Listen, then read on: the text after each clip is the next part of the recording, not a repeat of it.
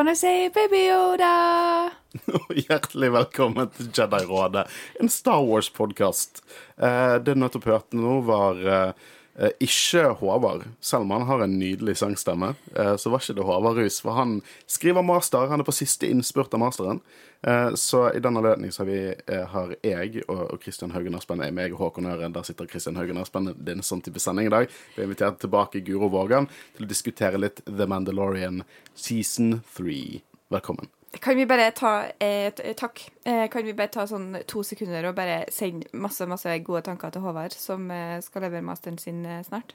Ja, Og gjør det. Og- Hvis alle som hører på Jedi-rådet, bare tenker kjempe, kjempe, kjempehardt at at eh, herre får du til, Håvard, herre klarer du, eh, så tror jeg at eh, det går bra med den masteren. Og jeg tenker det at eh, de der ute Vet du hva Håvard sitt ene ønske Vet du hva han sa til meg og Christian? Eneste måten for at han skulle gjøre det bra på masteren, det er hvis du gir oss eh, fem stjerner på Spotify eller fem stjerner på iTunes, og gjerne skriver en review, så kommer masteren til Håvard til å bare gå dritbra. Ja, absolutt.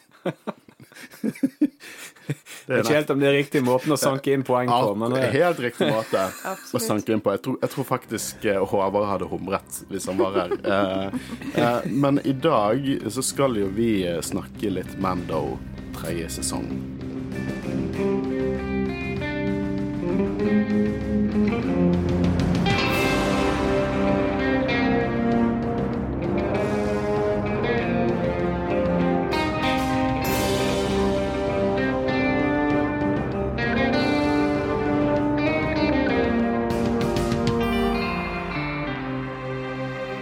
gleder, jeg koser meg alltid på disse recap-episodene, fordi jeg føler jeg har fått all canon og law ut, på avveie. Jeg har allerede, allerede skrevet masse notater. Allerede spydd ut all informasjonen jeg, jeg, jeg kan om episodene.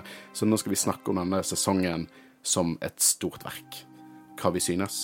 Vi skal spaktisere, spankulere, spekulere. Det verste er at jeg begynner å glemme hva det ordet er. det, det virker som du tenkte på hvert av ordet før du sa det. Ja, men det blir verre og verre. Ja. Eh, så takker deg for det, Christian. Jo. Eh, men vi skal snakke Mando sesong tre, og skal vi bare begynne, da? Eh, litt sånn tanker. Hva synes vi om The Mandalorian season 3?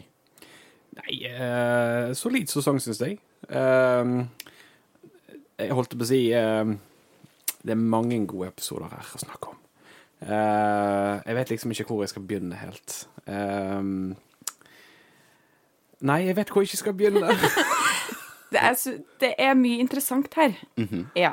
Eh, det er litt i to tanker om noen ting, men vi er ikke ferdige ennå. Så eh, med eh, historien, på en måte. Nei. Jeg tenker denne sesongen har vært på en måte De har prøvd å samle så mange tråder som mulig eh, for at en sesong fire ikke skal, skal skifte fokus. Ja. Jeg føler det er det de har prøvd på i denne sesongen. Jeg, jeg syns dette har vært en knallsesong. At jeg er positiv til Mandalorian så lenge det er en T viser, og så er jeg happy. Men Nei, jeg syns denne sesongen har vært helt utrolig eh, fantastisk. Veldig mye gøy. Så ut, bare sånn kose seg med, med alt som skjer, på en måte. Det er karakterer som vi Ja. Det er mange spennende karakterer, og mye spennende de driver med. Ja, og, og jeg, eh, sånn, jeg synes jo sesong én var Jeg, jeg digget sesong én. Det var ukjente farvann. Eh, noen av favorittepisodene mine fortsatte fortsatt i sesong én, og så kom til sesong to. Eh, da på en måte begynte vi å skjønne litt mer hva serien omhandlet, og det var, eh, det var mye cameoer. Og noen ville sagt at det er en negativ ting, det syns ikke jeg. Eh, jeg. Jeg satt ved siden av Guro når Bokutan dukket opp første gang. Eh, hun begynte Jeg tror hun slo meg i låret. Ja, Og så innrømmet hun etterpå at 'jeg trodde det var Sabine'. Men fortsatt happy for seg. se Bokutan, Luke, eh, Boba Fett. Det var liksom Det var eh, man, Å se disse legacy-karakterene komme inn og møte disse nye karakterene var awesome. Men denne sesongen har fokusert mer på The Mandalorians. Jeg syns egentlig de håndterte cameosen i forrige sesong ganske bra. Ja, det det, var passende hvor når de tok det inn. Det ga mening at Luke dukket opp på slutten. Ehm, og, og som du sier, denne sesongen her baserer seg mye på Mandalorians, og eh, vi, vi diskuterte i utgangspunktet om de kom til å ta tilbake Mandalore i denne sesongen. Du var jo skråsikker på at det var sesong fire. Ja. Jeg mener jeg husker. huske. ja, men jeg har, under, jeg har underskutt så sykt på teoriene mine.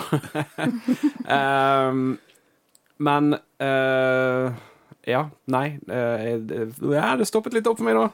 Men da kan vi ta det videre. For det, det som jeg synes eh, er kult med denne sesongen Jeg elsker cameoene, og du sier, Christian, eh, de er håndtert bra så lenge de gir mening in universe at disse karakterene dukker opp. Eh, denne sesongen eh, så var det mindre kanskje Mando som i Dinjarian i fokus, men mer The Mandalorians. Det var kanskje noe jeg savnet litt av. Altså, de, Din Jaren og Grogu på en måte tok et sete tilbake. De var på en måte Er det- er det de- riktig ord? De, ja, de, ja, men de, de, de, de Tok et steg, steg tilbake. Steg tilbake er det vel? Ja, sete Jeg vil tilbake. ikke si at de vitnet Jo, de, men de vitnet litt til større hendelser i, ja. rundt Selvfølgelig noe de investerte i med tanke på at de er Mandalorians, men det er også det at uh, liksom, Mando var ikke the chosen one. Han var ikke liksom uh, the- hovedduden i alle liksom, Sett utenfra in universe er ikke han hovedperson i denne historien. Han er jo hovedpersonen i, i denne historien, men liksom, hvis dette hadde vært en historisk eh, biografi in universe om The Mandalorians, så er ikke han hovedpersonen. Nei, og det syns jeg er veldig tydelig at det her handler ikke om eh, Altså, det er ikke historien til Mando vi får her, det er historien til The Mandalorians som folk. Eh, Det er deres utvikling vi ser. Og, og det blir kanskje litt eh, jarring. Din Jarring. Ja, det vil bli litt din jarring eh, når, eh, når vi er så vant til å følge Mando så tett. Men jeg syns også det er, noe, det er noe kult de gjør her med å, å eh, fortelle en historie om et folk. Det er jo ikke nødvendigvis eh, noe vi har sett så mye av i Star Wars før. Det har vært mye Chosen Ones og, og individuelle historier, men her kommer historien om et folk som har en, en historie som, eh, som de må håndtere på et vis, og, og utfordringer rundt å samle seg rundt et felles mål, eh, når man på en måte har eh, litt, eh, litt forskjellige utgangspunkt, da. Og jeg, jeg, jeg, eh, jeg har jeg, jeg, just, jeg nevner jo han i hver podkast. Stars Explained. Mye respekt for den fyren der. Med tanke på hvor konstruktiv og hvor mye positivitet, samtidig som han er konstruktiv og kritisk, han sprer. Men uh, han øh, Han var litt Det var ting med denne sesongen som han var øh, litt skuffet over. Eh, og jeg, eh, med full respekt til Alex If you are listening to this Norwegian podcast Han lærer seg norsk. ja. Men det er jo jeg, det, er- men jeg, jeg er litt eh, uenig med måten han ser på ting For han snakker om at Star Wars handler om valg. Og det er jeg enig i. Det er liksom valg som kan lede til negative ting eller gode ting. Så det er Anakin som velger å gå dark side, men det er også Anakin som velger å, å, å redde sin sønn. eh, og på en måte skape balanse på, på alle disse måtene. Ja, men, men, eh, men, men han mente at i, i The Mandalorian sesong tre så var ikke det valg. De tok ikke valg. Eh, men jeg føler at han ser for mye på tunnelsyn. Ja, Boketan hadde liksom passiv rolle, i hvert fall i helt til siste episodene. For jeg synes i de to siste episodene så var hun, tok hun lederrolle, og det var et valg. Men det handler mer, i mine øyne, om hva denne gruppen mennesker gjør. Hvilke valg denne gruppen mennesker gjør, og ikke hva enkeltindividet gjør. For enkeltindividet er ikke så viktig, det er gruppen, det er unity. Og det er en fortelling som Star Wars ikke har fortalt så mye, akkurat som du sier, Guro.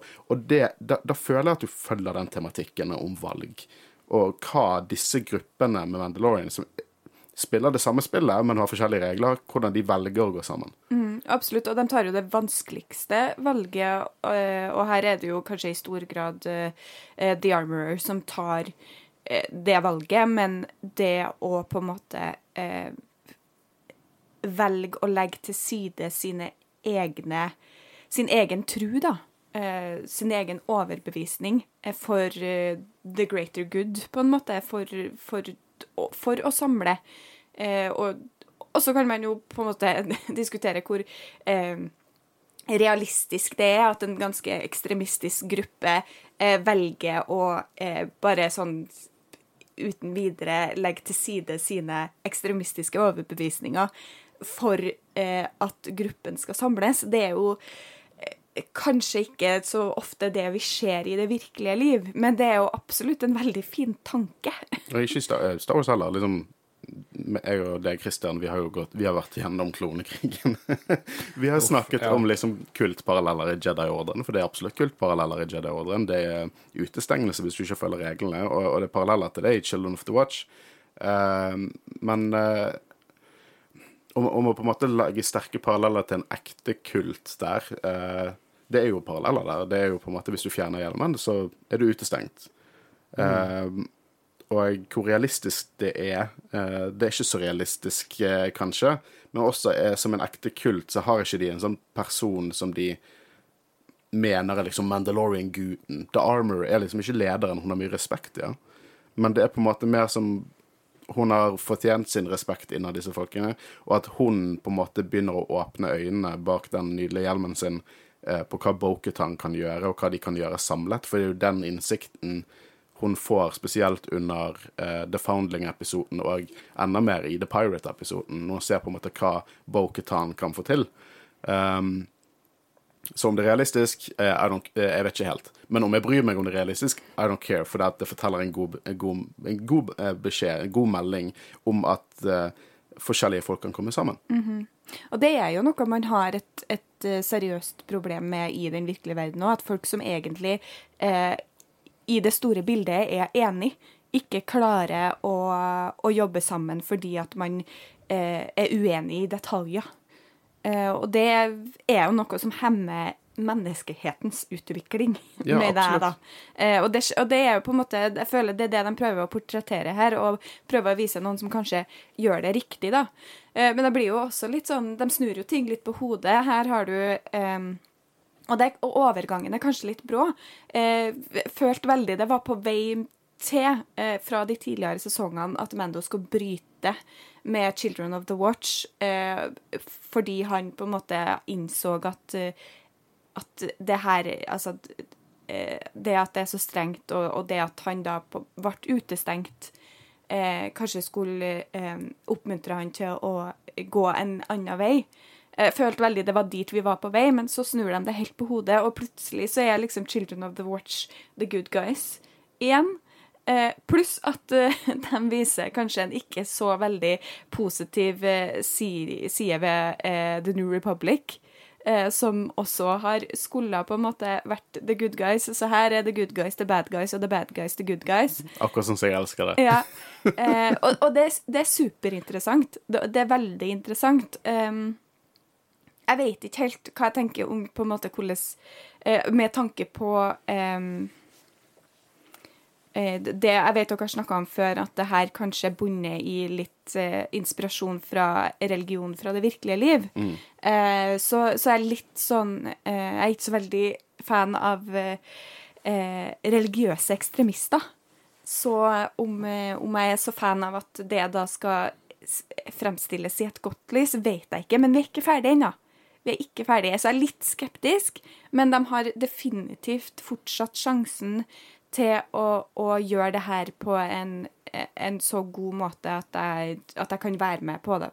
Ja, liksom, eh, for å si det sånn, Mando fjernet ikke hjelmen. Og jeg og deg, Christian og Håvard, for seg selv, vi spekulerte at Mando kom til å fjerne hjelmen, og vi har jo spekulert, liksom, er Armor så god, er liksom, hva er det som skjer med den karakteren? Men uh, det er viktig å påpeke at når Ragnar Wiesla tok The Creed i siste episode, så var det ingen mention om å, å, å liksom vise, eh, aldri vise fjeset sitt igjen. Vi ser Grogu ta The Creed uten en hjelm, så og vi ser det at The Armor og Children of the Watch anerkjenner de andre Mandaloriansene som Mandalorian. Fellow, welcome fellow Mandalorians, som hun sier. Eh, så ja, Mando fjernet ikke hjelmen, eh, men hjelmregel er mye mer leks, og det er et stort steg eh, fremover. Ja, og det er uansett også hvis man først skal snakke om ting som er urealistisk.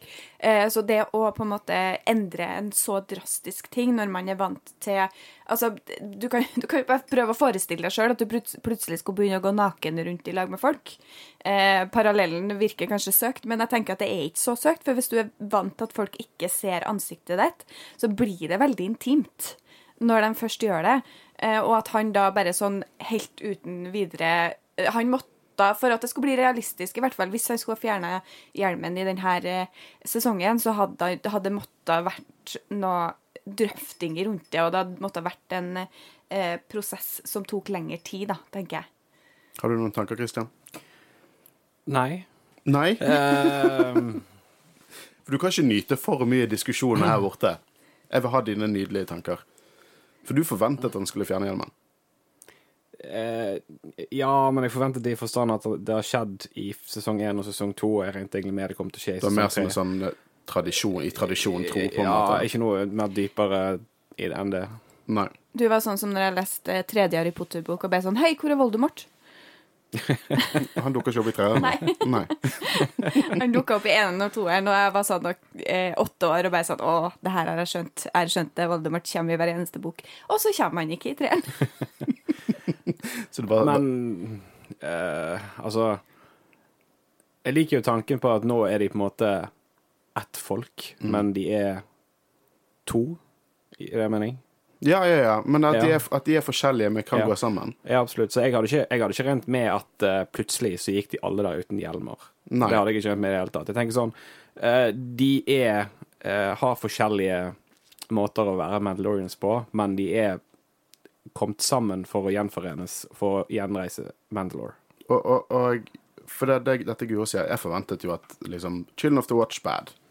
De, de er dårlige. De er ekstremister. De må, du må gå vekk fra de, tenkte Ja, men. Liksom. jeg føler ikke det det som har blitt etablert i Mandoverse opp til nå. Altså, de var kanskje det før, men du får ikke det inntrykket av de nå lenger. Nei, ikke det. Det, ikke det, det er jo det samme som når eh, The Armor sier det at uh, de uh, Death Watch ble oppløst i flere fraksjoner.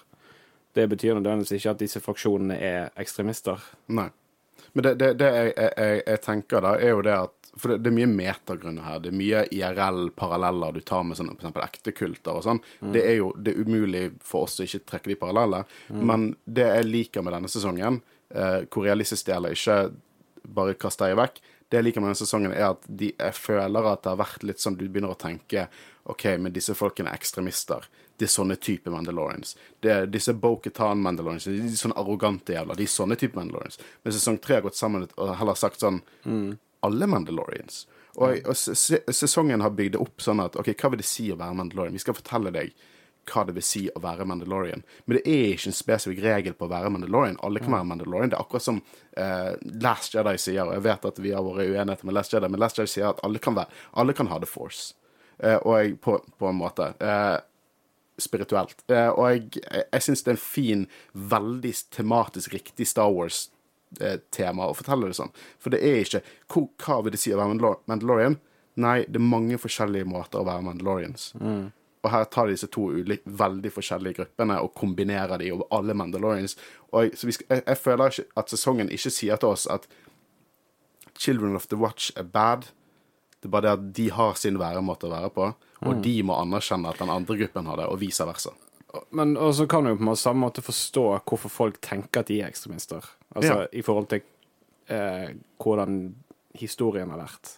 Så går det an å eh, Jeg vet ikke hvor jeg vil med dette, egentlig. Altså, jeg, jeg tror jeg skjønner hva du, hva, hva, du Ja, tenker, Kristian. Men ja. jeg, jeg vil jo på en måte påstå at de er ekstremister. Jeg vil påstå at det er ganske ekstremistisk eh, å ha et krav om at du aldri skal vise fjeset ditt, når det ikke på en måte er Ja, men det er deres kultur. Jo, jo, ja, men det er ekstremistisk fordi at altså, det skiller seg ganske, eh, ganske eh, tydelig fra på en måte det som er kulturen i resten av galaksen, da. Det er ganske annerledes. Pluss at hvis du bryter, så er du utestengt. Og det er en hard rule, liksom. Og det er, så mener jeg i hvert fall er ekstremistisk. Men la oss se på, på det. Ja, jeg, jeg, kan, jeg, kan, jeg kan se det argumentet, absolutt. Eh, Og- men- jeg tenker jo som så Det er, som Håkon sa, det de har prøvd å uh, gå vekk ifra i sesong tre, at nå viser de at disse Children of the Watch-fraksjonene fra Death Watch, de er, har lyst til å inkludere Altså, uh, The Armor på en måte Når hun sier at Bokhatan tar av deg hjelmen, det viser tegn til at ting endrer seg. Der Absolutt. forsvant hjelmregel. I det, det øyeblikket så forsvant hjelmregel. Og, jeg, jeg, og det er på en måte Vi har en sånn visjon av hva som er ekstremistisk. For det at, ja, ja, det, det er jo ganske ekstremistisk ting, i hvert fall eh, fra våre eh, våre tankeganger om på en måte kultur og religion og sånn. Men når du ser på eh, de andre Mandaloriansene, som forlater Bokhatan fordi hun ikke har en ting Hun har ikke The Dark Saber. Nei, da kan ikke hun være vår leder. Og det er også på en måte en utrolig ekstremistisk ting. Det er, det er nesten en sånn fascistisk sånn Og de, bare de sterke skal overleve. Det hadde jo de, det så jo vi i, i Clone Wars. eh, hvordan uh, The DeLoreans da Death Watch fulgte mål, at de drepte når hvem Darth Maul var. Han, ba- han vant jo The Dark Saber, så da må vi følge han. Og det er jo det er ikke kanskje like sånn personlig som det at du har vist fjeset men- ditt, du må komme deg vekk, men liksom som en kultur er jo det ganske løk, det også, liksom. Ja, det, og det er helt riktig. Altså Med tanke på at Si Bokutan du, du, du er ikke vår leder lenger. Du var vår leder, men du mistet den, du ødelagte den, du er ikke vår leder lenger. Det er jo Jeg kan se det òg. Og bare det at på slutten der, så ser du at Bokutan, den nye Mandalore, hun står der. Hun står der sammen og får fakkel fra The Armor, liksom de facto lederen av Children of the Watch, og i gruppen er det fullt av Children of the Watch. Som fortsatt har hjelmene sine på. Det er fullt av Mandalorians som tidligere kun hadde fulgt dem med en Darksaber, som har hjelmene sine av. De godkjenner hverandre, og kanskje viktigst, de godkjenner Boketan som sin leder. Så det er, eh, det er liksom Ikke fokuser så utrolig mye på at Mando ikke har fjernet sin hjelm. Fokuser på hva som har skjedd med liksom kulturen Mandalorians. For in universe, in universe er det huge. ja. Eh, om, Kan jo òg være at Pedro Pascal ikke var tilgjengelig. Det er også Ja, en, en grunn. Men med, som jeg, jeg lærte av en klok podkast med kloke folk, Potter-generasjon, metagrunner er kjedelige grunner. nei, det er ikke gode grunner. Det er ikke gode grunner. Ja. For du må få det til å funke eh, in universe. Men fungerte det in universe? Eh, ja, jeg syns det. det eh, jeg kan godt forstå eh, at, at eh, det blir litt eh, eh, overraskende når det ikke går den veien man tror det skal gå. Uh, og det føler jeg på en måte de har gjort i denne sesongen. Jeg syns de gjør utrolig mange gode valg mm. med å velge å fokusere på gruppedynamikken og velge å fortelle en større historie, på en måte. Jeg syns det er veldig interessant. Uh, men jeg, Em, jeg kan skjønne at, at man kanskje uh, blir litt uh, altså skuffa, eller uh, At man føler at det er et eller annet som ikke stemmer, da, fordi at historien ikke er det du forventer den skal være. Men jeg tenker at uh, når man da har fått etablert historien og kanskje kommer tilbake til det senere, og vet at det er dit man skal, eh, så det, kan man kanskje nyte litt mer eh, neste gang Du mener uten at det er en uke mellom hver episode der du bare spekulerer blindt, og du får en podkast i form av Jedi-rådet som spekulerer enda, enda sykere, så kanskje folk har satt enhver pris på sesongen i sin helhet, framfor å ikke tenke på, Um, på hva som ikke var der. Men vi har gått gjennom mange av karakterene ved å snakke nå, liksom. Ikke så mye uh, Pase Bisla. Jeg likte veldig godt at han fikk litt mer fokus her. Jeg, jeg elsker den der eh, I don't like you, but god damn it, I respect you kind of uh, archetypen som han er. Han har fått mange scener i denne sesongen som på en måte gir hans uh, sacrifice uh, mye mer enn hva det ville gjort hvis ikke. Tenk for eksempel på den talen i The Pirates. talen i den hulen på den planeten som jeg ikke husker navnet på. Jurassic Park. Jurassic Park-planeten. Ja. OK, det er greit. Eh, holdt jeg på å si eh, respekten han gir Mando, eh, for det er Mando Bokutan redder jo sønnen hans.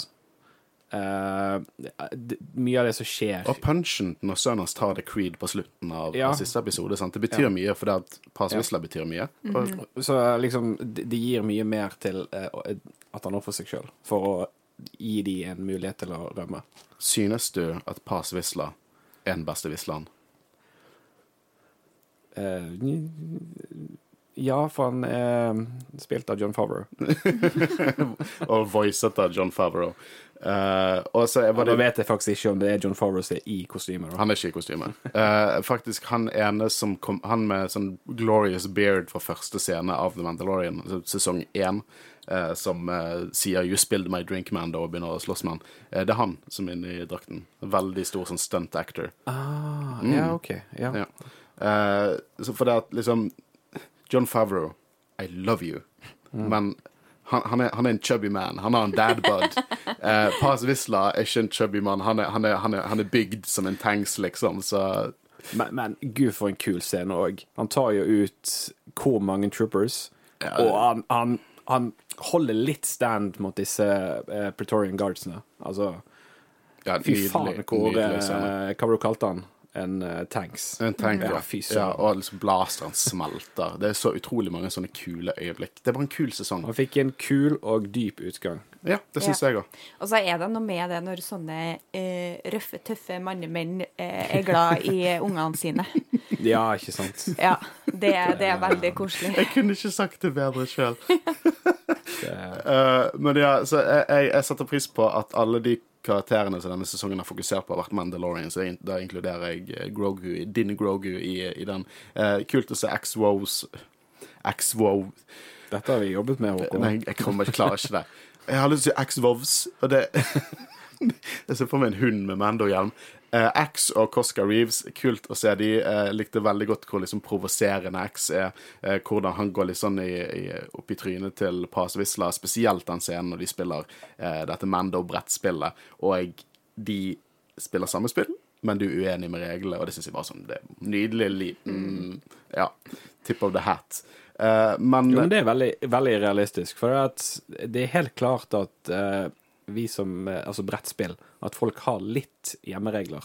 Ja, Det er klassisk. Beer pong. Det går faen ikke an å spille beer pong, men folk, Nei. liksom for alle har forskjellige regler på jævla beer pong. Jeg, jeg kan komme på mange eksempler. Først kom til hodet mitt er monopol.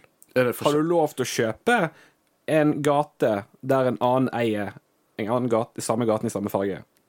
Jeg, jeg vet ikke. Jeg har ikke spilt Monopol på veldig lang tid.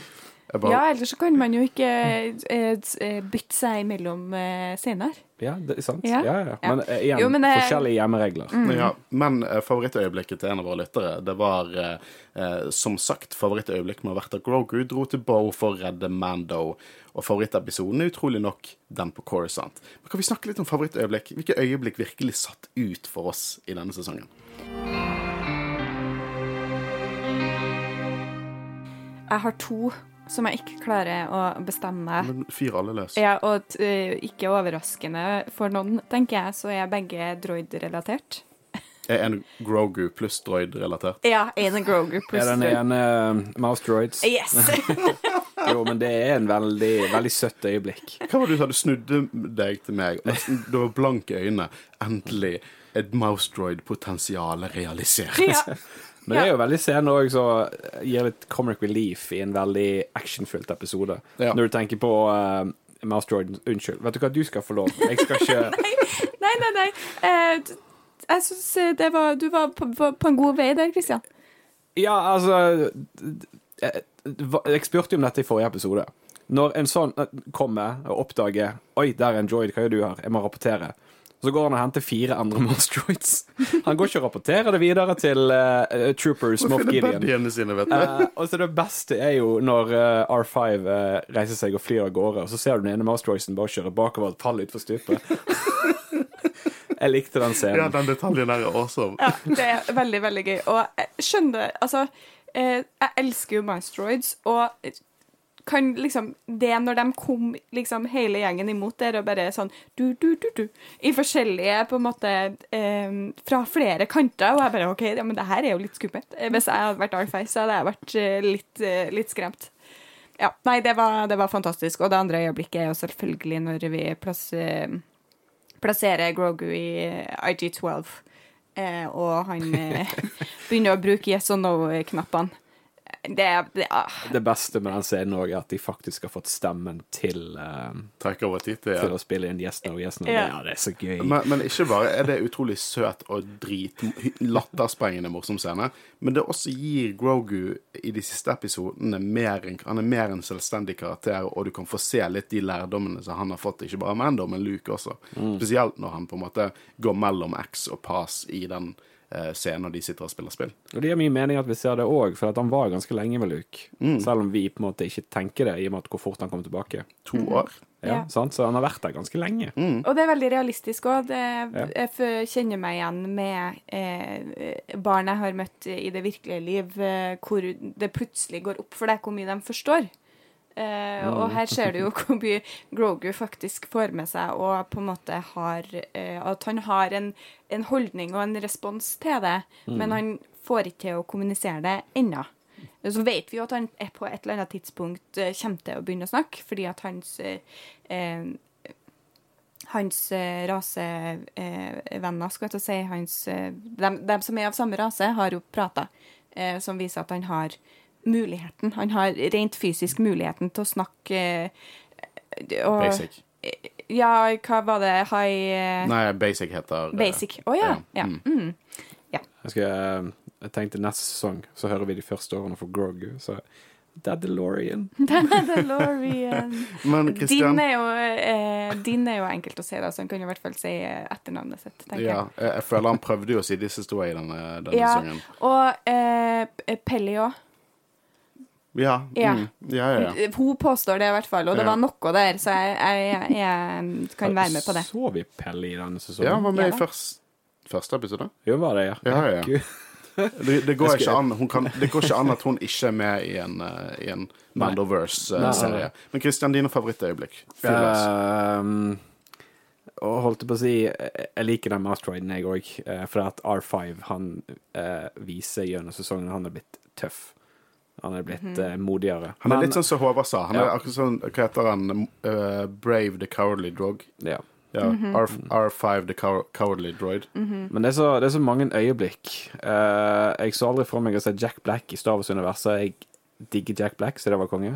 Og det var litt gøy at det skjedde samtidig som, eh, som Super Mario-filmen, der han er bare sånn overalt med den Peaches-sangen. Christian. Du introduserte den sangen til meg, og nå går han faen meg ikke ut av hodet mitt.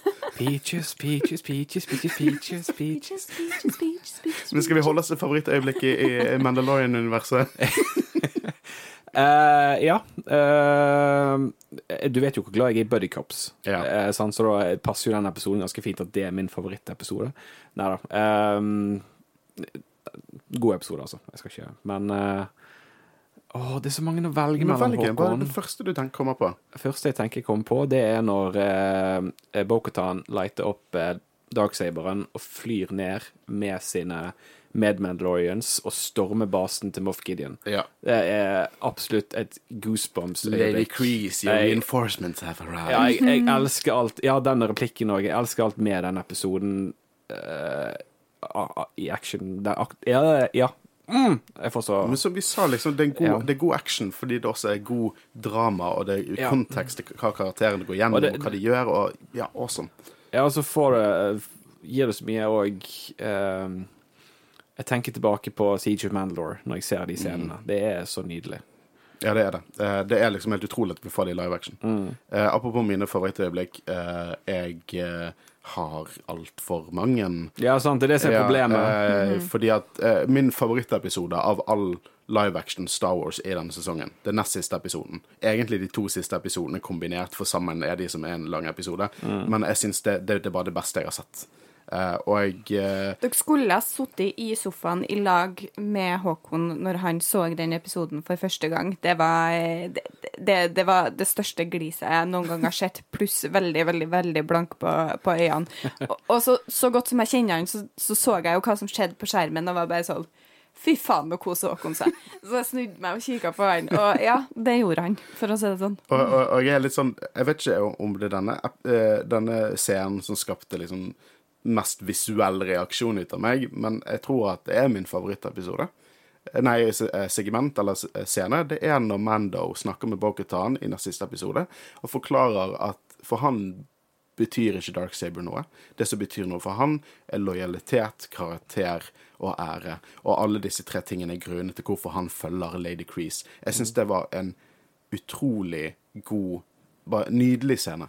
Eh, nydelig spilt, nydelig filmet. Eh, så mye følelser. Eh, jeg syns det var helt, helt konge. Eh, så jeg lurer på om det kanskje er min favoritt, mitt favorittøyeblikk i, i hele sesongen. Det er et godt øyeblikk. Eh, og og alt det og liksom, Jesus, Jeg kan begynne litt sånn når Cosca Reeves tar sånn slider på kneepadsene sine og går under broen, og så bare skyter han ut Whistling Birds fra knærne sine. Eller når, når uh, Paz Whistler går amok og smelter blazeren sin såpass mye at han begynner å bruke det som et slagvåpen. Uh, nei, det, det er så utrolig mye kult. Eh, Ja, Grogu og Mando som slåss sammen, må jeg også få lov til å dra inn her. Det er ganske fett. Ja.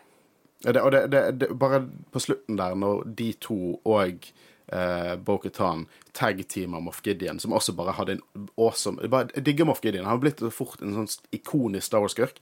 Men når han gikk imot disse tre så forskjellige Mandalorians det er tre Mandalorians, og de er vidt forskjellige, men de jobber sammen så synkront. Nydelig, nydelig Star Wars-action. Mm -hmm. de to siste episodene er fantastiske, syns Men eh, jeg hadde Hvis jeg skulle sagt noe på dem, så skulle jeg ønske de var litt lenger. Det er det eneste. Ja. Men uh, det, er noe, det, er noe, det, er ikke, det er ikke noe kritikk i det i det hele tatt. Det er bare Uh, det- Du vil ha er- mer? Jeg vil ha mer. Det er det som er problemet. Uh, spesielt med den scenen når de er på en måte uh, i den Hagen, hagen. ja. hagen. Eh, jeg skulle gjerne hatt en eh, mer eh, ut av at uh, Din Djarin ble fanget. sånne type ting. Men det er ikke noe sånn kritikk, for jeg føler det vi fikk, var awesome. Ja. Ville gjerne hatt mer av Moff Gideon også. Eh, ikke Ja. at vi, Det vi fikk, var veldig, veldig bra, men han var borte halve Men sesongen. også The Shadow Council og alt det der. Mm. kunne de, eh, og da, da kan vi hoppe inn i dette her um, Men er han død? Ja. Er han en klone? Nei, han er ikke en klone. Jeg håper han er død. Helt Men vi kan hoppe Ja, inn i det, for en lytter sier bra, men kanskje litt enkel avslutning. Vil gjerne ha en Boba-cameo, men Boketan var kul. Eh, Da kan vi gå litt inn på dette her med sånn referanser og ting som dukket opp, og ting som ikke dukket opp. Eh, vi har jo snakket litt om det. Jeg, liksom, jeg elsker Boba Fett. Gjør du det? Ja, jeg gjør det. Jeg er dritfan av Boba Fett. Boba Fett is my boy. Uh, men så må man tenke litt sånn hva var nødvendig i denne sesongen. Um, denne sesongen fokuserte 110 på Mandaloriansene. Og disse Mandaloriansene som de har brukt tre sesonger på å bygge opp og etablere. Så ja, jeg skulle gjerne sett uh, gode, gamle Robert Tvedt. Men, uh, men var det nødvendig at han skulle være der for at historien skulle bli formidlet på sin beste måte? Nei, ikke det hele tatt. Og jeg tenker at hvis han hadde plutselig dukket opp i en av de to siste episodene, så hadde det vært litt sånn eh, veldig upassende, føler jeg. Ja, det hadde kommet litt ut av ingen steder. Så jeg, jeg, når jeg så siste, nest siste episode, da gikk det opp for meg at nå får ikke vi Boba Fett. Og så, andre, så var det sånn, greit. Men det er ikke det, det, er ikke det. Jeg skal ikke Jeg skjønner hvorfor folk blir litt skuffet av at eksempel vi ikke så Thra- Thrawn, eller vi ikke så Boba Fett, eller vi ikke så Sabine.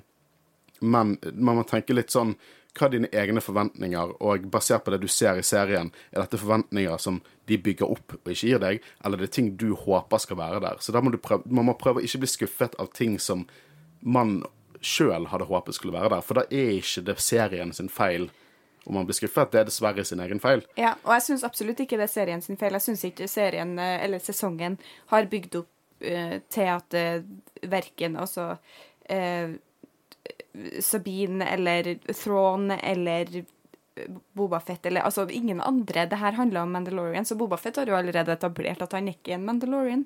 Han går bare med Mandalorian armor, liksom. Så ja, nei, jeg syns ikke um, Jeg syns ikke det var noen som mangla i denne eh, sesongen. Nei. Og jeg, jeg må si jeg skulle gjerne sett, eh, sett eh, Boba Fett, eh, men vi kommer til å få se Boba Fett. Vi kommer til, han kommer til å dukke opp senere. Og vi kommer også til å få se uh, Sabine.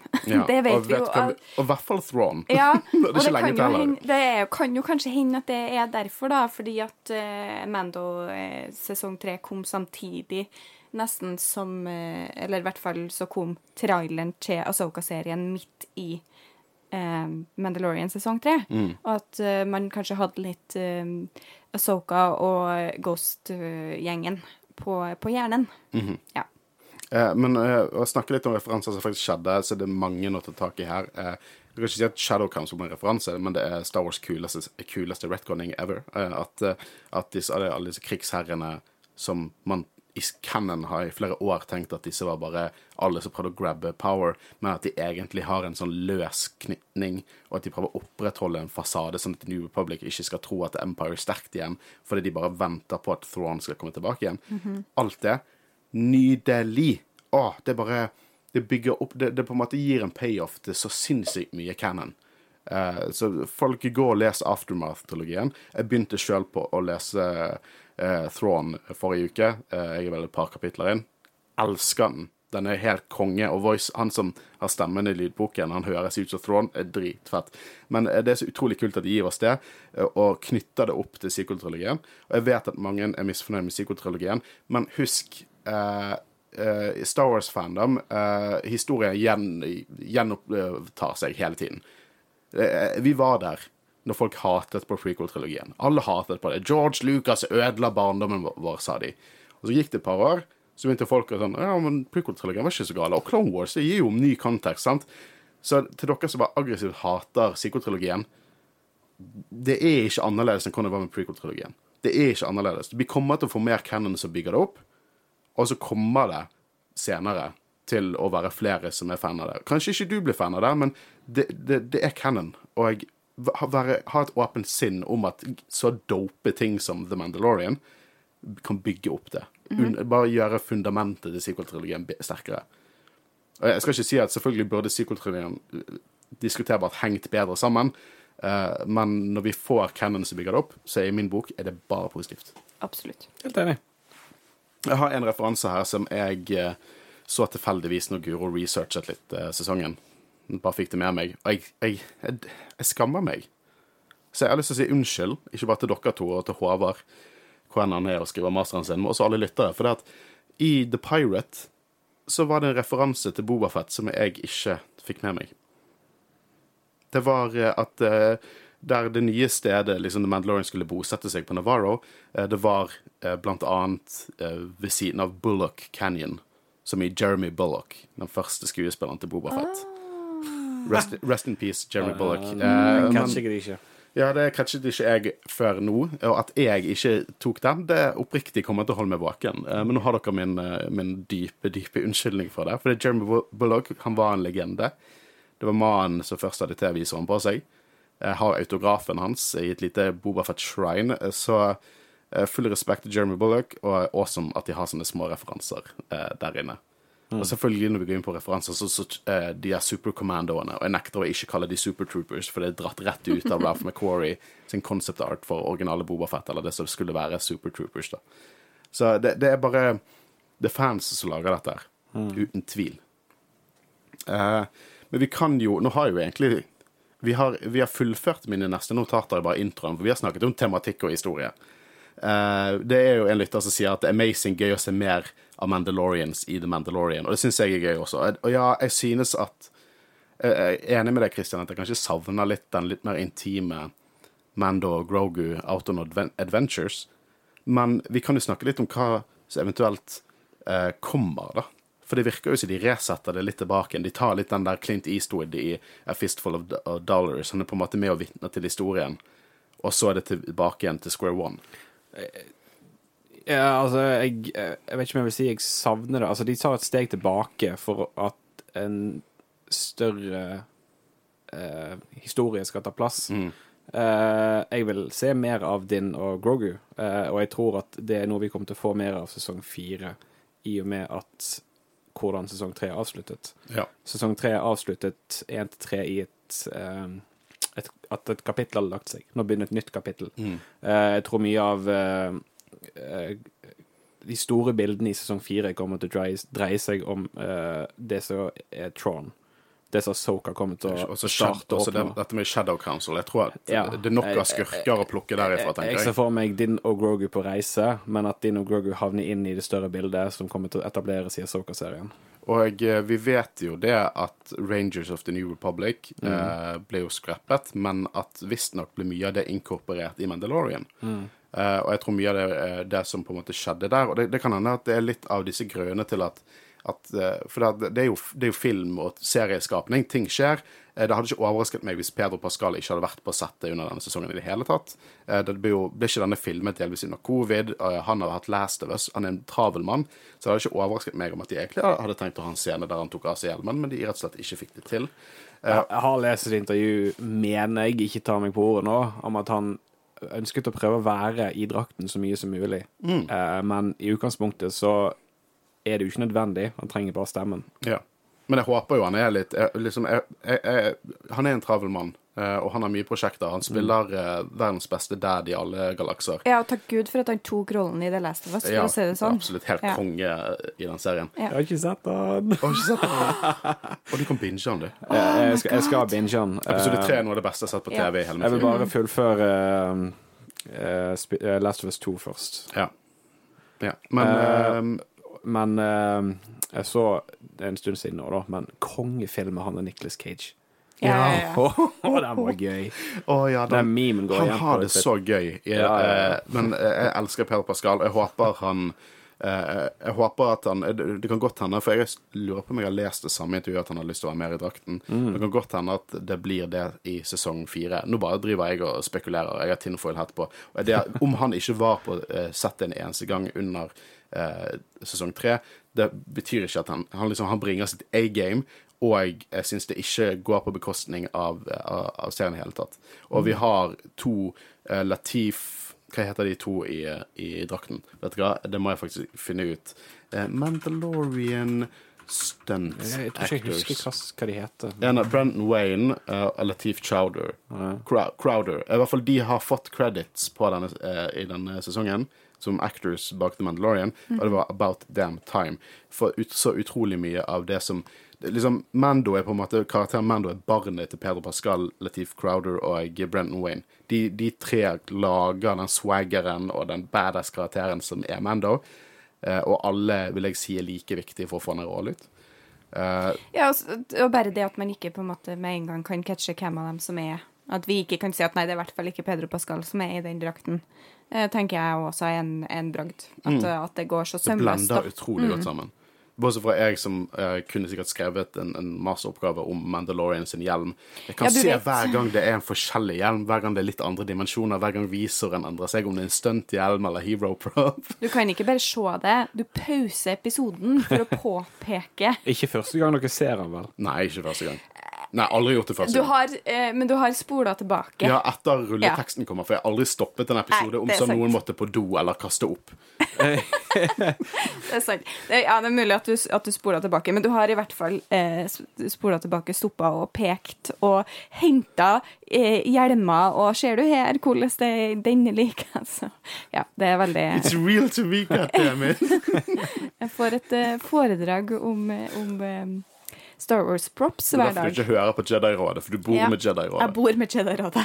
Men uh, for det jeg, jeg tror Han sier jo i slutten av serien at han, eller sesongen at han uh, kommer til å ta flere oppdrag, eller mer, han være mer selektivt med sine jobber, og kan ta jobber via Carson Tiva eh, for The New Republic, og da tror jeg mye av storylinen til uh, Range of the New Republic kommer til å bli inkorporert i Mandalorian. Jeg tror også det at potensielt sånn Dette med Moff Gideon, at han på en måte var mer At de nevnte han de nevnte han i rykter, de så det der eh, klippen, og du så at skipet hans hadde blitt tatt. For min del så fungerte det utrolig bra, for de opprettholdt hvor mystisk det var. Men jeg kan forestille meg at hvis vi hadde fått en sesong av Rangers of the New Republic, så hadde det helt sikkert bygd opp at Moff Gideon kom tilbake igjen, og så hadde vi sett han i Mando sesong tre. Eh, men ting endrer seg, sant. Det, det, det, man må huske at at, uh, at disse folkene som skaper dette, de har ikke frie tøyler. Og Det betyr ikke at liksom, å, Disney er bad, de lar ikke gjøre hva de vil. Det er ting som skjer. Det er en produksjon, sant? og ting faller sammen, og de må prøve å fikse det så godt de kan. Eh, og jeg, eh, jeg tror at veldig få folk kan se på Mando og tenke at liksom Og her var det mye de endret eh, i post. Jeg syns det er en sesong som holder seg utrolig godt sammen. Jeg syns den forteller en eh, involverende og god historie, der jeg faktisk bryr meg om karakterene. Den bygger opp karakterene på en god måte. For det Mando og Grogu de fikk i det annen eh, lytter um, Altså, det var en interessant sesong, men jeg føler Mando og Grogu sin historie var ferdig i sesong to. Om jeg er enig om den var ferdig, er ikke jeg helt enig med, men de hadde i hvert fall nådd et stort punkt, i hvert fall innen Book of Bobofet, der de kunne, uten at det hadde så mye å si, ta et side eh, ta, sitte, Sette seg litt til side og la Boketan bygge litt karakter. La uh, Children of the Watch, da mener jeg hovedsakelig sånn The Armor of Pass Whistler, bygge litt karakter. Eh, vi så jo av promoposterne, så er det Pass Wisla, det er Armor, det er Boketan og Mando. Jeg føler de fire, eller Mando og Grogu, disse fem, da Mando og Grogu er ofte som én Ja, de er en enhet. De er en enhet. Eh, de, det er hovedpersonen i denne sesongen, og jeg syns at eh, de er The Mandalorians, for å si det sånn. Eh, og jeg syns at de forteller en involverende og kul historie. Men hvor veien går videre, det blir interessant å se. Jeg tror at Jeg tror kanskje Mando kommer til å En følelse av at han kommer til å deale mer med The Shadow Council enn Thrawn direkte. For jeg tror at Det blir interessant å se hvor stor rolle Thrawn har i Asoka-serien. For jeg tror fortsatt at den filmen som Dave Filoni skal regissere Jeg må da tro at det er Thrawn som kommer til å være the big bad der. De må jo ha en ny Big Bad i Mando nå. Ja. For big, the, the Big Bad is dead. Og jeg blir litt sur hvis de tar, tar Ja, jeg vil han jeg vil ikke ha Jeg tror tilbake. ikke, jeg tror ikke For jeg er hater fake out deaths. Det, jeg hater det. if, uh, if you haven't seen the body I Star Wars, Ja. hvis de faller, så kommer de tilbake. Ja, I know. det, altså, Du kan bli delt i to og komme tilbake òg, så det Ja, jeg hater det, men jeg hater det, jeg hater det uansett. Og ikke bare i Star Wars, jeg hater det i alt. Fordi da ødelegger du da du kan ikke, Det er ikke noe vits å være redd for noen lenger. Ødelegg min eh, Nei, men jeg, jeg føler Moff Gideon har spilt sin del nå. Ja. Eh, nå er det på tide å gå videre. Eh, ja, As eh, Asoka eh, Tron kommer til å være der, Mm. men det er helt klart at det må være han Skull and Hutty som er er the big big bad liksom. i den filmen. Ja, ja. For det er jo et avsluttende kapittel, og Tron tror jeg ikke kommer til å eh, falle vekk etter Asoka. Nei, Thrawn er ikke en MCU-skurk. Thrawn er ikke ferdig etter en sesong. Nei, liksom. Nei. Tron blir liksom uh, Ja. Dette er mannen som fikk seks skal, du- skal, sammen, skal du sammenligne med Thanos? Ja, Nei, og Thanos. Thanos. Ja, ja, ja, faktisk mer. Ja. Thrawn og Thanos, det er jo TR der som det holder. Så jeg tror vi kommer til å se han i Asoka, Mando sesong fire, Asoka sesong to Ja, det får vi Altså, jeg jeg, Eneste grunn til at jeg skyter det ut, var fordi at uh, Rosario Dawson nevnte at uh, Let's do a season two på Celebration. Ja. Og jeg tenkte Ja, men- OK.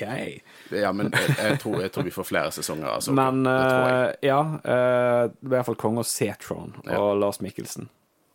Ja, fy Eh, faen. ja, jeg gleder meg så utrolig mye til den serien. Eh, men en annen ting fremover, Mandalore sin historie. Liksom Mand hva skjer med Mandalorian? Hva skjer med Mandalore? Kommer det til å være liksom vår nye Navarro hver gang Mando kommer tilbake til Mandalore, så de ser det litt bedre ut og ser litt bedre ut? Det bygger seg gradvis opp. Ja. For det at jeg, jeg lurer litt på hva kommer til å være Kommer det til å være nye problematikker med Mandalore, eller kommer vi til å være en stund til vi ser Mandalore som på en måte en nasjon igjen? Det føles jo ut som et endepunkt, det vi har kommet her. Ja, men Det er slutten på nytt kapittel. Jeg likte det bedre. altså, på den tilstanden som planeten er i, er jo ikke altså, et bilde på tilstanden til folket, føler jeg. Og ikke bare kommer det til å ta lang tid før man på en måte får planeten på, til, på ordning igjen. Den, den, den likte jeg. Den likte jeg veldig godt. Altså, Ja. folket er der planeten er. De må bygge seg opp begge plasser. Og det kommer ikke til å være smertefritt. Nei. Så tenker jeg det kan ikke være. Nei. Eh, For nå, vi har liksom to grupper her som har Mm. klart å komme seg sammen, men de er bare to grupper. De kan ikke populere planeten alene. Nei. Nei, Men så, jeg tenker sånn, de har to veldig sterke eh, personer som eh, de har veldig respekt for. Altså, Children of the Watch eh, har stor respekt for de armer Selv om hun ikke er en leder, så ser du jo tydelig at hun har mye respekt i den gruppen. Mm. Eh, Bo-Katan har mye respekt i den andre gruppen, selv om det der greiene med Darksaberen. Men hun har jo tydeligvis noe effekt på dem. Eh, og jeg tenker sånn De to virker som kan jobbe sammen. Og da tenker jeg at det kommer til å gå fint. ja, Guro shipper de. Shipper dem så jævlig. Shipper de. Ja. Ja. altså, det er så mye sexual tension mellom Bo-Katan og The Armorer. Da er det Hun vil at de skal Bare smash buckets. Jo, men bare måten hun sier Lady Crease på er så sexy. Eh, Eh, jo da, for all del. Altså, jeg har snakket om eh, Mando og Bo-Katan, men, eh, men sure, why not? Bo-Katan og The Armor, altså. Yeah. De to, Men, det er to power Nei, vi har blitt en women. podkast som driver og shipper for karakterer nå. Men i hvert fall. Så eh, De kan få til mye sammen yeah. med alle.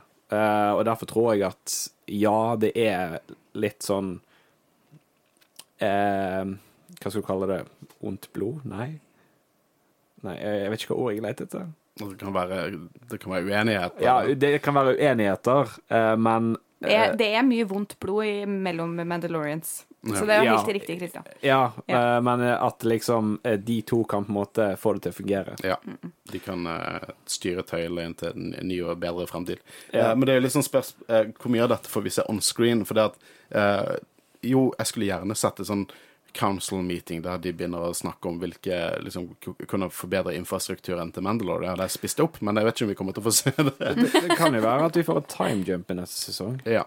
Vi, vi har jo fått time jumps uten at vi har vært helt Ja. klar over det. Så Men vi har altså- også... Hvor gammel er Mando nå? Han må, de, altså, de kan jo ikke hoppe så mye mer Altså, Hvor gammel er Bo-Katan? Bo-Katan er vel sånn hva, 70? Nei, hun er ikke 70. Hun er ikke 70? Er ikke 70? nei, det er noe som det liksom, Jeg vet et eldgammelt intervju som uh, sa Dave Filoni at hun var sånn 30 i Clone Wars, men jeg liker å tro at hun er tidlig i 20-årene.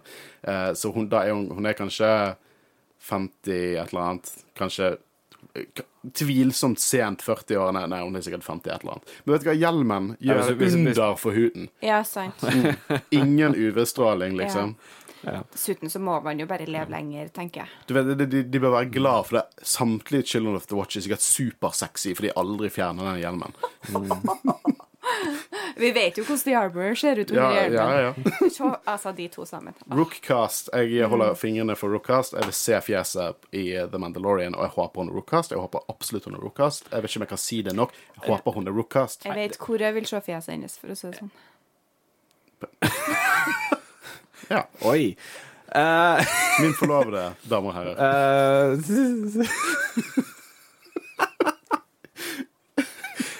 Jeg vet ikke hvorfor det blir så utrolig Seksuelt når, når du er Ja. her. For det er, du, det er du som bringer det her. Ja, jeg skjønner det, det er jeg, ja. Vi er tre uskyldige gutter som snakker Star Wars. bare, du bare får en scene i neste sesong der The Armor tar av seg hjelmen, og Bokhatan bare ser på det. Og så får du det momentet du snakker om. Cut, cut to black, og så hører du ding, ding, ding. Uh, men uh, hun er jo helt klart en karakter jeg syns er veldig Hun er veldig mystisk. Du vet ikke så mye om henne sånn konkret. Nei, Uh, Eh. Og så jeg- snakker hun jo bare i koder. Så du klarer ikke å få så mye ut av personligheten hennes der heller. Og så eh, Jeg håper jo på en måte at vi får se henne uten hjelm i neste sesong. Hun er jo spilt av en uh, fantastisk god skuespiller. Jeg elsket å se henne i uh, Supernatural. Jeg vet ikke om dere Var hun med i Supernatural? Hvilken sesong? Sånn sesong 67? Eh, det, det er faktisk eh, Er det sesong tolv? Å, herregud. Nei, jeg har ikke kommet til Men sesong 12. jeg mener det er sesong tolv, og så er hun med i sesong 14. De tok ut Satan, og så ga jeg meg. Ja, same. Uh, sesong 5, da? Ja, men hva Jeg, jeg, faen skal jeg, jeg komme etter Satan, Satan, jeg, jeg, liksom? jeg, jeg har sett Supernatural, all, alle sesongene. Jeg, jeg, jeg, jeg digger den serien. Eh, men i hvert fall, uh, hun er en fantastisk skuespiller, så, og på en måte at hun får av hjelmen sin og uh, tror jeg hadde vært veldig gøy. Ja, og jeg er glad jeg har Hot Toys-versjonen av uh, Rookcast. Ja, ikke med ansikt, da. Nei. Nei. Nei, men ingen av mine menn da viser ansiktet sitt. Nei. Jeg vil ikke se ansiktet, jeg vil se TV-viser. Du, du er en ekstremist. ja. Hun spilte uh, forresten uh, søsteren til, til Gud i uh, Supernatural. Of course she did. Sorry. Altså, all respekt til dem som liker eh, Jeg liker Supernatural, jeg også. Jeg vet ikke hvorfor jeg ikke så det videre. Jeg tror bare falt av, men jeg likte det veldig godt, jeg så. Det jeg elsker med Supernatural, er ikke det som baserer seg på liksom, den store sto storyen. Jeg elsker eh, Sam og Dean Winchesters på Hunts, liksom. Jeg syns det er så gøy med den. Ja. Eh, men i hvert fall, tilbake til Mando. Eh, ja. Eh, hvor var vi? Nei, jeg vet ikke, jeg har noe annet. For det Tem, Tem, Temura, Temur, Temuera Morrison, eh, altså min eh, store helt. Og jeg kommer til å være lei Jeg fortsatt lei meg for at han ikke var på Celebration. Den eneste kjendisen jeg hadde lyst til å ta bilde med og gjøre Like a Bantha. Jeg faktisk planla at, han skulle be Guro om å gifte seg med meg mens jeg sto i bakgrunnen, sånn for meg. Så tok vi bilde. Men Guro var ikke så happy med det. Det hadde vært konge. Ja. Bobafett hadde spurt eh, Guro for Eh, meg. Nei. Ja. Han er mer meg enn meg. Men, Men, eh, eh, gode har- gamle Tam eh, har ikke vært så Han har gått ut og sagt at han er ikke så superhappy med hvordan ting har blitt gjort. Eh, og det er litt dette her med at ting endrer seg. Eh, jeg tror Ranger, Rangers of the New Republic At det på en måte må bli dratt inn i Mando har gjort at det blir mye eh, reshoots, og det kan være mye i hvert fall mye omskrivninger på skriptet. Det tror jeg i hvert fall. Han var ikke så fornøyd med, med Book og Bobafett. Nei, han, jo, han sa jo også det at han følte at det tok vekk fokuset i hans egen serie. Og jeg elsker Book of Boba Fett. Jeg kommer til å beskytte den til, min, til jeg dør. Jeg har nettopp begynt på den på nytt igjen. Men han tar jo ikke nødvendigvis feil Nei. at, han mistet, at den serien mistet fokus pga. Mando. Selv om det var to latterlig gode episoder. ikke bare Mando sånn sett. Uh, Luke. Luke. dro jo vekk mye fokus. Ja. Ja. Men uh, altså, Book of Bobafett, ene episoden, hadde han jo bare en cameo. ja. Så altså, jeg ser jo Og en episode ble han nevnt en gang. Ja, så jeg ser, jeg ser litt der, men Jeg ser syns absolutt sesong- det. Ser det absolutt. Og Men det, jeg syns sesong- eh, serien er veldig bra. Jeg Eh, syns den opprettholder Mando-kvalitet, liksom. ja, altså én til fire som baserer seg på Bobafett sin historie, Mm. er dødsbra. Og konge av sesongavslutning, syns jeg fortsatt. Ja, ja, ja, altså Rancor. Ja, det er jo Boba. det er som et tall. Det er liksom, Um, si det til en unge som ser Boba Fett eh, i, i 1980, så kommer du fra fremtiden og bare sånn Du vet hva, i, i 2022 så kommer vi til å se Boba Fett som rir på en Rancor, Mm. uh, mens han eh, ødelegger bad guys. Liksom, de hadde bare dødd. De hadde dødd på sekundet, for Ildbefeen er dødd. Snakker du om deg sjøl nå? Jeg, var, jeg levde ikke på 80-tallet. nei, men, hvis det var i 1997 Nei, 2002. 2000, OK, 2002. Ja. Ja, du var så ikke så gammel. gammel i 97. Nei. uh, men ja, jeg hadde nok uh, pisset på meg. Det var Ja. derfor jeg husker jeg fant ut når Boba Fett hadde overlevd i liksom, det som var Legends. Jeg tror jeg ropte på mamma. Mamma Bofet overlevde! Men uh, ja, han har ikke vært så fornøyd med det, og han forventet å være med i Mando sesong tre, men det var han ikke. Uh, så han har på en måte sagt at Han har liksom, sagt det òg? Ja, han har sagt at han forventet å være med i sesong tre, men det var han ikke. Men uh, jeg, jeg håper at Jeg håper egentlig på Boka of Bofet sesong to. Ja. Det er, på måten den serien Og jeg skjønner hvorfor de gjorde det. Men jeg skjønner også eh, Tomorrow Morrison hvorfor han sier det. Og, og det, var, altså, det er mange fans som har hatt den samme kritikken også, som jeg syns er litt legitim. Det er helt tydelig at her skjedde et eller annet som gjorde at de måtte gjøre endringer. Og sånn er verden. Det går bra, det er ikke krise. Men uh, da syns jeg at uh, vi fortjener en Liksom sesong to. OG av- Mando fortjener en sesong to av Ja. sin egen serie. Ja, absolutt. Men også det at jeg håper at han Han blir jo nevnt i denne sesongen. Han ble nevnt i første episode, eh, der Pelly tok en spøk om at Mando var der for å drepe eller noe sånt. Eh, vi vet jo at eh, det var en after credit-scene på i Book of Boafett med Cobb Vanth som lå i back-to-tankene. Så det er helt klart historier det bygger opp til. Eh, så jeg håper at han spiller en større rolle i Mando sesong fire. Eh, ikke bare for min egen skyld, men også for Timora Morrison sin skyld. La han komme inn og okkupere litt Mando sesong fire, når Mando okkuperte så mye av hans sesong. Jeg tror ikke det er det siste vi har sett, og jeg håper på en Book of Boba Fett sesong to. Men jeg jeg føler jo at det de gjør her nå, er jo at de samler alle heltene som vi elsker, som er på en måte i galaksen på, på samme tid til å, å slå hardt ifra seg, på en måte. Slå hardt tilbake. Eh, så jeg føler at det er veldig realistisk at vi bare får alle sammen på en gang, i, kanskje i den der filmen. Ja. Så det vi på en måte har sagt nå, er at nå kommer Soka sesong én. Så kommer Mando sesong fire. Book of Bobafett sesong eh, to. Så kommer Soka sesong to, og så kommer filmen. Det er dette vi har etablert nå, sant? Ja. Ja, Ja, OK. Ja. vi kan ikke stå for noe av det. det. jeg, jeg bare sier dere trenger ikke reise på Celebrations i Japan 2025. Eh, alle svarene får du Ja. her. Ikke noe gjør. I hvert fall hvis vi reiser dit. Eh, men eh, nå har jo vi snakket uh, høl i hodet på hverandre og mimret og egentlig snakket om en, en sesong som det virker som vi alle egentlig storkoste oss med. Absolutt. Men vi mangler jo gode, gamle Håvard. Så eh, jeg tenker at Guro skal få lov til å rolletolke eh, Håvard ved å skrive opp det Håvard har sendt inn til oss han ville vi skulle lese opp.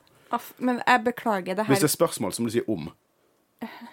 det her blir ikke på haugesundsdialekt, fordi jeg, jeg, jeg kan ikke å, å Tror du studerte dialekt òg? Kan, kan du ikke snakke stavangerdialekt? Eh, Nei, ikke Jeg kan Ta det på bergensk, du. Det er du flink til. jeg kan ikke snakke noen dialekter bortsett fra min egen. Og så er jeg ganske god på sånn generisk østlandsk, men, mm. men ikke eh, noe annet enn det. det. Dere får den generiske østlandsken, da. Ja. Eh, Det får dere nå. Eh, Hei, Jedi-rådet. Skulle gjerne vært med og diskutert, men jeg har en master som ikke skriver seg selv, og sliter med å tenke på noe annet enn gladiatorkamper for tiden. Men jeg skal prøve å oppsummere mine tanker om sesong tre. Personlig synes jeg det har vært en utrolig vellykket og bra eh, sesong. Jeg likte de forrige sesongene utrolig godt også, men jeg satte pris på, det, på at det ble forsøkt å fortelle en helhetlig historie som knyttet flere arcs sammen, og som gjorde Mandovers enda større. Likte godt det vi fikk på Coruscant. Sorry, Christian. Eh, det står 'sorry, Christian'. Eh, karakterene har hatt en fin utvikling, og jeg gleder meg utrolig mye til å se flere av dem videre. Kanskje vi får en egen serie om det nye om det nye Mandalore, spesielt om ryktene stemmer om at Rangers of the New Republic ble omskrevet til sesong fire av Mando.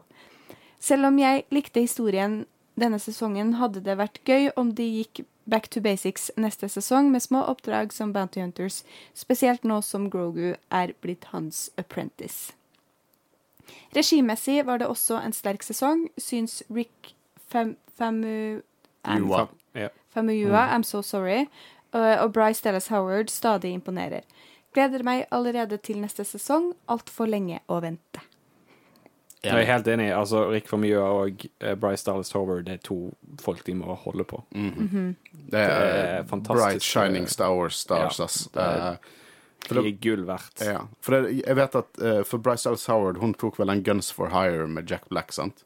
Ja. Ja, og, og jeg vet at det, den episoden er den minst lavest ratede episoden eh, i denne sesongen.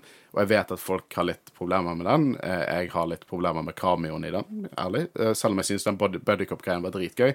Eh, men du kan ikke si noe på regien. regien er nydelig i den episoden. Jeg syns altså- den episoden var helt fantastisk. Ja, det var kanskje din favorittepisode, var ikke Ja, det? Ja, altså, Nei, herregud. Et, uh, et Buddy Cup, eh, et uh, Droid Morg. Yeah. Uh, Ja. men jeg syns jo den uh, Det er jo en god øyeblikk å ta frem. Altså, den avslutningen på den episoden er jo dødsbra. Det er litt cameoene. Jeg elsker Jack Black, og eh, ja, eh, godeste Lizzo er ikke verdens beste skuespiller. Nei, hun må men, kanskje revurdere en skuespillerkarriere. men kostymene var fantastiske, og de, sitter, de gjør så mye rart. Som er sånn der Å, det er så Du Star drikker fra sånn her stort Ja. fat med levende ting oppi, og alle har et sugerør rundt I fra samme hope you fra. like secretions. Altså Og så syns jeg denne den episoden har så mye passende comic relief. Mhm. -hmm. uh, var litt forfriskende i en beste, sesong som er altså- veldig mørk og Ja, seriøs. absolutt. Og den som sitter inni i hodet mitt akkurat nå, er når uh, eh, Mando sparker til droider for moro skyld. Ja. For uh, det, det, det Sir, excuse me, sir. Jeg, jeg syns den episoden bare er gøy. Return of the Battle Droids. Ja. Oh, ja. Jeg syns bare det er en gøy episode. Det er en gøy episode. Det er gøy. Og Star Wars avslutt- å bare være litt gøy. Mm. Som avslutter med et av de beste øyeblikkene i hele serien. Mm. Med Bokutan og Mando og uh, Vos. Vovs. Vos. Vovsen sjøl. Sant? Ja. Ja. Ja, nei, det Ja, så jeg syns den eh, episoden har fått ufortjent mye kritikk. Men eh, Enig. folk skal få lov til å like hva de liker. Men Mm. eh, jeg kosa meg så mye med den episoden. Ja, og det vet jeg, jeg syns det er fin måte å runde av og på en måte gi litt ros til den episoden som har fått mest kritikk. Mm. Uh, Men jeg vil bare klare opp i en ting her nå, fordi at nå har dere snakka om at mye av eh, Rangers of the New Republic hadde blitt putt, putt, putt, unnskyld, putta inn i sesong tre. uh, og så skrev Sesong fire. Ja. OK, så det var bare jeg som misforsto. Ja, jeg tror elementer har blitt lagt inn i, i sesong tre, men jeg tror det kommer til mye større grad være en del av sesong fire. OK, ja. Eh, for jeg var litt forvirra, for Håvard skrev sesong fire, og så Ja, hadde jeg oppfatta. Sesong tre. Han tar ikke feil. Nei, nei, det var bare det jeg ville oppklare. Det er litt veldig sjeldent. Han tar feil av og til. Men eh, eh, hvis dere likte å høre Guro snakke Star Wars, så sjekk ut eh, Jedi Battle Scars eh, The Book Batch-episoden vår.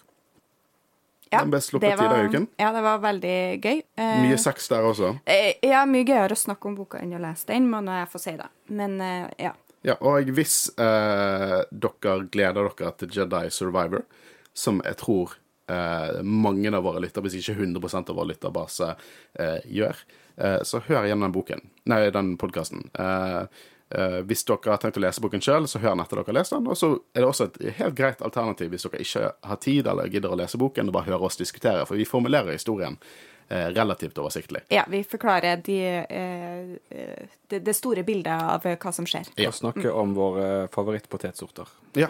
Uh, mye potetsorter. uh, mye kåte Night Sisters og uh, ja, det er Ja. fryd og gammen. Det er Ja. til og med litt eh, poesi eh, Poetri. Poesi? Poesi, ja. Poesi i denne episoden. Det er sannhet til et ribcage, mm. som har fått mye gode tilbakemeldinger. Ja. Så sjekk den ut. Eh, nå, eh, neste episode vi som kommer ut nå, er jo vår 4. mai-episode. Det er en, den store celebration recapen. Og vi har sagt det før, alle dere visste nyhetene sånn dagen etter det kom ut, men dere har ikke hørt vår take på det.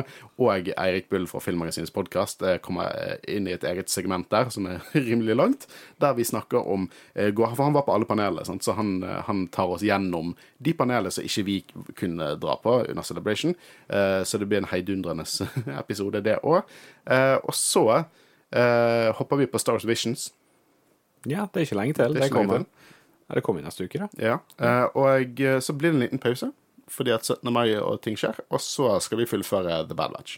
Eh, men det dette betyr, er at vi, selv om Mando er ferdig, så blir ikke dere kvitt oss. Vi kommer til å mase i hvert fall et par uker til. Og videre det òg. Vi må kanskje ta oss en sommerferie før eller siden. Men mitt navn er Håkon Øren, og jeg har sittet sammen med Skal du si Håvard Rus nå? Jeg skulle til å si Håvard Ja, ja, jeg, ja, jeg begynte å tro du var Håvard nå. Så ser jeg meg er det på Stavanger-dialekt. Ja. Eh, Håvard Rus. Jeg tror du skulle si Nei. ditt eget navn. Han kommer ikke fra Stavanger. Å, ja. Han er fra Haugesund. Eh, mitt navn er Kristian Haugen Aspen. Og jeg heter Guro Vågan. Yes, eh, og eh, som, nå skal jeg huske det. Musikken dere har hørt i denne episoden, er laget av Arild Øren Vanvik. Han holder også på å lage en Asoka-theme til oss, som er helt nydelig å inkorporere litt mer sånn japanske og asiatiske eh, themes der, og bygger på denne samurai-viben. Dritfett. Eh, Nydelig musikk, nydelig fyr. ja, eh, absolutt. Han, eh, han eh, har jo også sluppet album, eh, som dere kan sjekke ut. Jedi Roller har sitt eget sluppede soundtrack. Jeg vet ikke om det er så mange andre Star Wars-podkaster eller podkaster generelt som har sitt eget soundtrack liggende der ute. Eh, det kan du finne på Spotify og iTunes og Amazon Music, og til og med på YouTube, tror jeg. Eh, og så skal ikke vi glemme, og dette er nok siste gang vi hører den themen på en liten stund, for Mandalorian-themet er laget av min gode venn Einar Søreide Johansen, eh, som har laget en helt fantastisk Mando-theme til oss, eh, som får oss i riktig stemning. Så tusen takk til begge de to veldig flinke musikerne. Eh, og så avslutter vi nå, så vi snakkes neste uke. Ha det bra. Ha det bra.